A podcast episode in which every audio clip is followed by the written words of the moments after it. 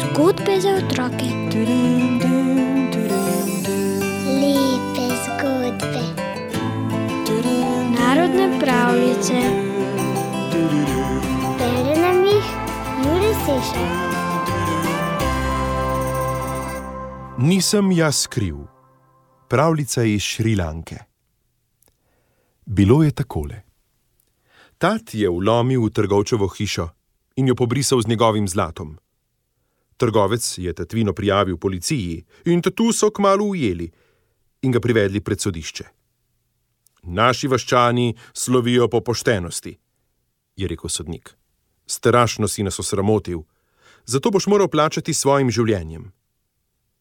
Tat je razmišljal hitro kot blisk. Nisem jaz kriv, je zaklical.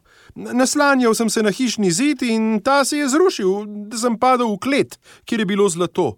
Le kako naj bi se uprl takšni skušnjavi? No, če že moramo najti krivca, je kriv zidar, ki je se zidal tako majav zid. Neumni sodnik je podlegel temu, kar je napletel malopridnež in poslal po zidarja. Ta je hitro spoznal, da je zašel v težave in sklenil, da si bo tudi sam izmislil zgodbico za sodnika. Ja, da, nisem jaz kriv, da se je zid sesul, se je zagovarjal.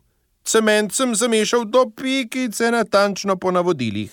Dva vrča prahu na en vrč vode. Zid se je brško ne zrušil zato, ker je vrč puščal vodo. Ja, tako je za zločin kriv lončar, ki je napravil vrč in ne jaz. Lončarja so nemudoma prignali na sodišče. Sicer ni vedel, ali je zidarju res prodal počen vrč ali ne, vendar ni hotel tvegati in si je raje izmislil zgodbico.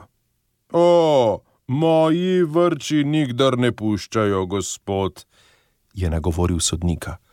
Toda takrat, ko sem delal vrč, ki sem ga zatem prodal zidarju, me je zmotila ženska, ki me je vprašala za pot do zlatarja. Zato nisem jaz kriv. Kriv je zlatar, ker nima večjega napisa.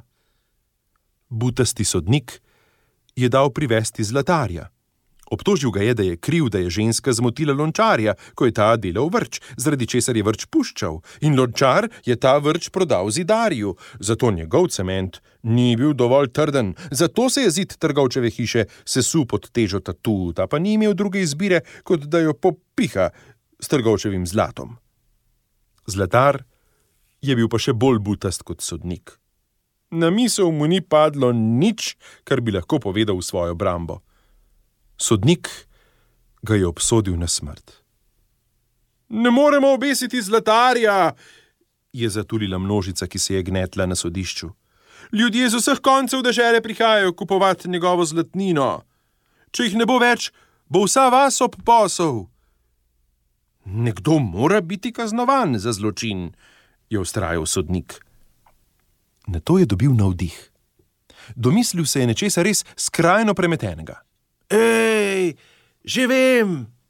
Ker ne moremo obesiti zlatarja, bomo obesili prvega tujca, ki pride v našo vas. Tako nihče med nami ne bo utrpel škode. Govorice o tem, da bo prvi popotnik, ki pride v vas, obešen, so se kmalo razpredle.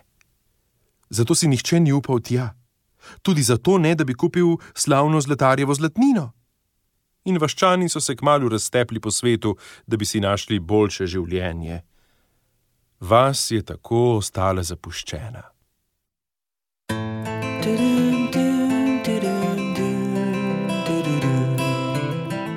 Zgodbe za otroke.